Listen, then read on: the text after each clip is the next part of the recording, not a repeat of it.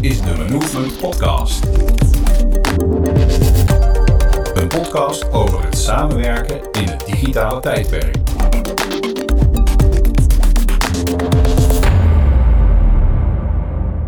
Nou, welkom uh, allemaal bij deze eerste podcast. We hebben hier op uh, kanaal 2 Mirjam, op kanaal 3 hebben we Alet en op kanaal 4 hebben we Eddy. Hoi.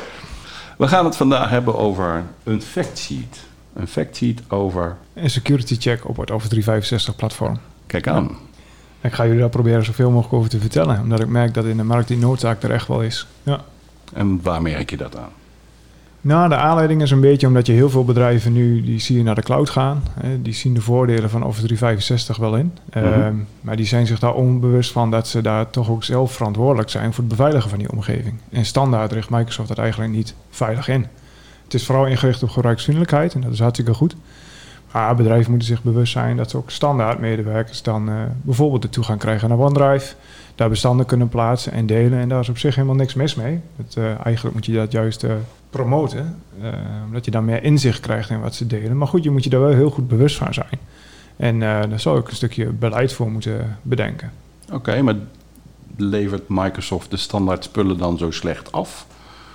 Of is er een andere oorzaak van dat er nog heel veel aan die security moet gebeuren? Eh, zeker niet slecht. Maar wat je heel veel merkt is dat bedrijven gewoon toch in een stukje onwetendheid eigenlijk niet bewust genoeg zijn over de veiligheidsrisico's die ze lopen. En wat het doel is met de scan is dat ik ze juist het inzicht geef even welke risico's ze lopen. Mhm. En dat ze voor zichzelf juist de afweging kunnen maken van nou deze instellingen ga ik wel aanpassen en deze instellingen niet.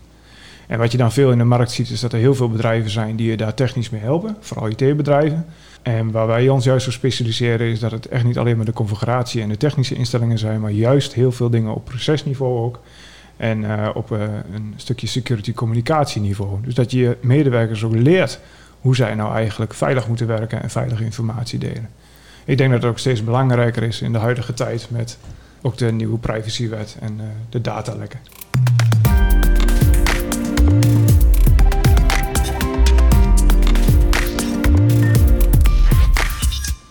Ik hoor heel veel de techniek zeggen. Maar komt het niet ook vooral aan op hoe die mensen die techniek gaan gebruiken? Ja, precies dat. Ja, ik denk dat, we daar, eh, dat daar grote slagen in eh, te doen zijn. En daar zie je niet vanuit de ICT-afdelingen eh, moeite in gestapt worden. Dat zijn Ja. echt dingen die vanuit een afdeling communicatie bijvoorbeeld gedaan moeten worden. Ja, dat je je medewerkers van een hulpwebsite voorziet waarbij ze eigenlijk hulp kunnen krijgen. En dat soort basale dingen zijn ja, iets waar we goed mee kunnen helpen, denk ik. Dus je moet eigenlijk mensen bewust maken van de security. Ja, het gaat eh, vooral om een stukje bewustzijn creëren. En niet alleen bij, eh, bij het management eh, en HR, maar ook vooral binnen medewerkers zelf. En wat heb je daar als IT-afdeling voor nodig? Om dat goed te kunnen doen? Ik denk een, eh, een check en een, eh, een bewustzijn op welke instellingen heb je nu en welke mogelijkheden zijn er eigenlijk. Hè? Want vanuit techniek heb je best wel een verantwoordelijkheid. We zeggen vaak eh, met de techniek zorg je voor de voordeur, maar de medewerkers zorgen voor de achterdeur. En ook aan de voordeur is nog genoeg eh, eh, te veranderen.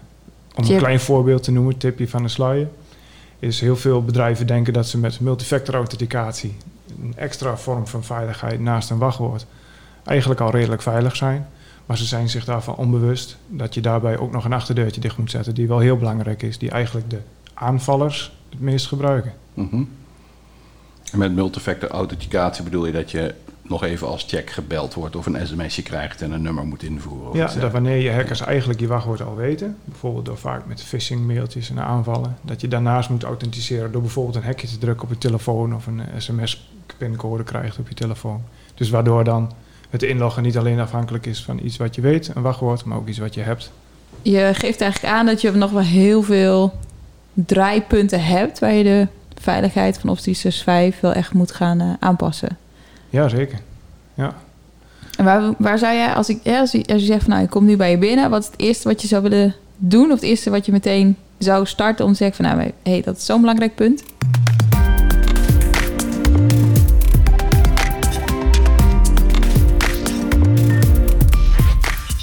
Het allerbelangrijkste is denk ik toch die eh, multifactor. Maar dat zit bij de meeste bedrijven wel tussen de oren. Maar toch kom ik voor de grootste gedeelte tegen dat ze dat niet goed hebben ingericht. Of ze zetten die bewuste achterdeur, die zo belangrijk is, niet dicht. Waardoor ze eigenlijk de implementatie maar voor de helft gedaan hebben. Mhm. Ja, want als ik om me heen kijk, heel veel bedrijven, die hebben over het algemeen al die multifactor authentication al wel ingesteld. En jij zegt dus eigenlijk dat ze dat dan, ze denken dat ze dat goed hebben ingesteld, Ja, dat het vaak nog niet goed genoeg is. nee, het is niet klaar met dat vinkje wat eh, Microsoft vertelt. En dat mensen eh, Dat gebeld goeie- worden. Er zijn andere informatie. manieren ook om binnen te komen. Ja. Ja, en ook die moet je, die moet je sluiten. Dus ook al hebben de, krijgen de medewerkers al een telefoontje of een sms'je dat ze toch nog Ja. iets extra's moeten doen, Ja. boven erop is het nog steeds niet veilig Ja, je zult zien, en dat zou ook aantonen dat er manieren zijn om prima bij de data in Office 365 te komen of de mail, zonder dat je gebeld wordt. Oké. Dan heb je het over een belangrijk ding, is die achterdeur. Ja. Maar volgens mij heb jij, Oh, ik kan nog wel meer voorbeelden noemen. volgens mij heb jij wel 150 voorbeelden waarbij... eh, Ja, in deze check gaan we eigenlijk eh, inderdaad 150 eh, adviezen langs. om te kijken in hoeverre de IT-afdeling dat geïmplementeerd heeft. Of, of in hoeverre bepaalde zaken zijn gecommuniceerd naar de medewerkers. Ja, dat zijn er redelijk wat. Dus we zijn er best wel druk mee bezig. En om dat grip op te krijgen, ehm, is de meerwaarde die we eigenlijk leveren ook dat we het rapport uiteindelijk gaan opdelen in bepaalde levels van 1 tot en met 4. Nou, wat houdt dat nou in? Dat ik je zo goed mogelijk help om met de adviezen die we doen ook de juiste prioritering te stellen, zodat je daar zelf je roadmap op kunt aanpassen. En dan met level 1 bedoelen we de dingen die eigenlijk de meeste impact hebben, zo snel mogelijk je brengen naar een hoge veiligheid, maar voor de medewerker en de ICT-afdeling het minste impact hebben.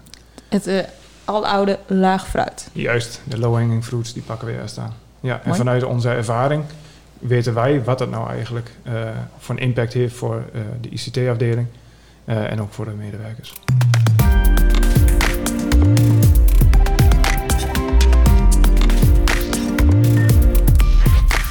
Alette, wat zou jij nou willen weten als je zo'n check op je afkrijgt?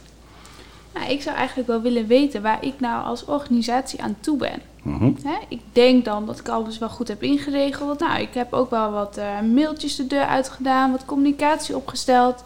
Nou, mijn medewerkers waarvan ik aangeef, goh, je zou niet, eh, eh, denk om phishing mailtjes, hè, dat, dat je daar voorbeelden doet. Eh, correct, eh, correcte manier van OneDrive gebruiken. Ja. Maar kan ik dan uit jouw rapport dan ook zeg maar naar voren halen van, goh, op die punten scoor je slecht.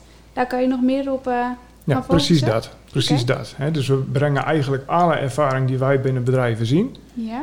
elk puntje op het gebied van veiligheid wat je zou kunnen verbeteren, waarvan wij denken van hé, hey, dat is een aandachtspunt, dat hebben we opgeschreven. Dat heeft geresulteerd in die lijst met die 150 adviezen.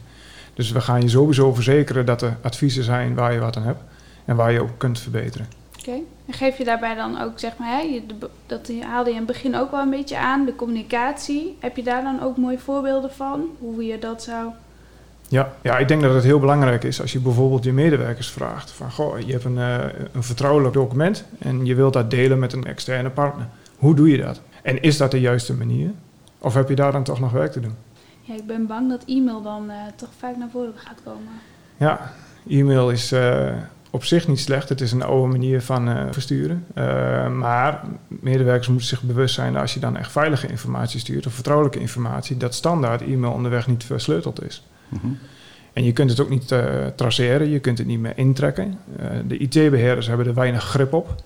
Ehm, dus daar is zeker wat in te verbeteren. Ja, want je bent niet meer in control van je document. Sterker nog, je stuurt eigenlijk een kopie. Eigenlijk ga je naar ouderwets naar een kopieerapparaat. Hier leg je vertrouwelijke document, wat je eigenlijk eh, juist niet eh, wil verspreiden. Ga je een kopietje maken en dat stuur je naar iemand.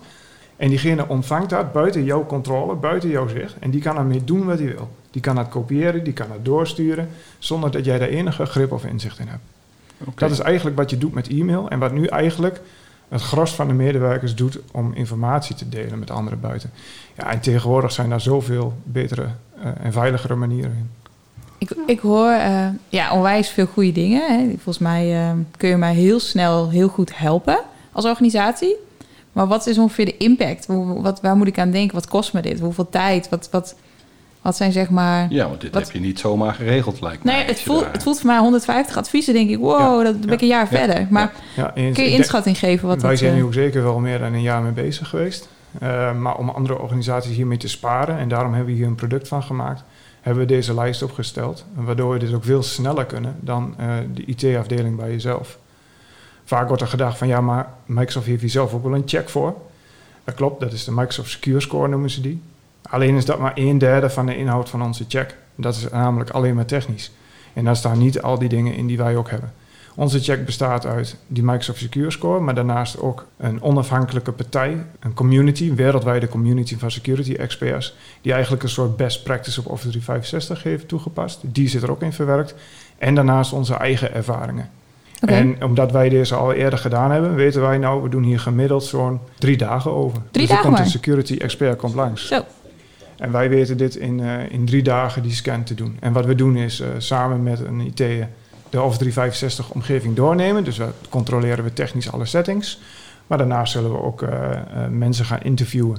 Dus bijvoorbeeld een privacy officer, een data compliancy manager.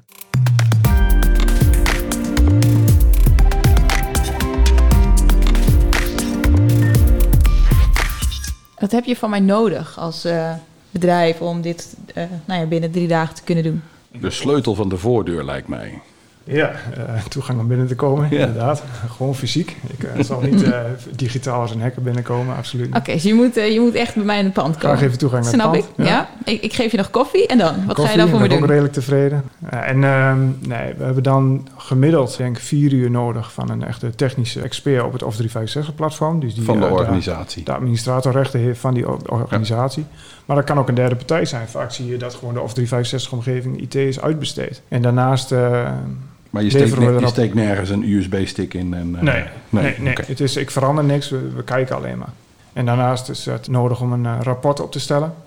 Ja, want je gaat met een bos gegevens ga jij eh, weer terug naar huis na die drie dagen. Ja, dan werken we dat uit in een, in een netjes rapport waar je mee kan om ook die levels aan te passen. Hè? Dus waar wij, wij dan adviseren van nou dit zijn de low-hanging fruits die zou ik als eerste adviseren in jullie geval.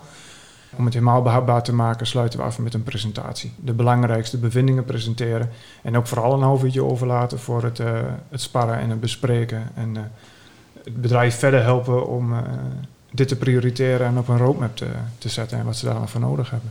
En wat hebben wij verder dan nog nodig om die, jouw adviezen te implementeren?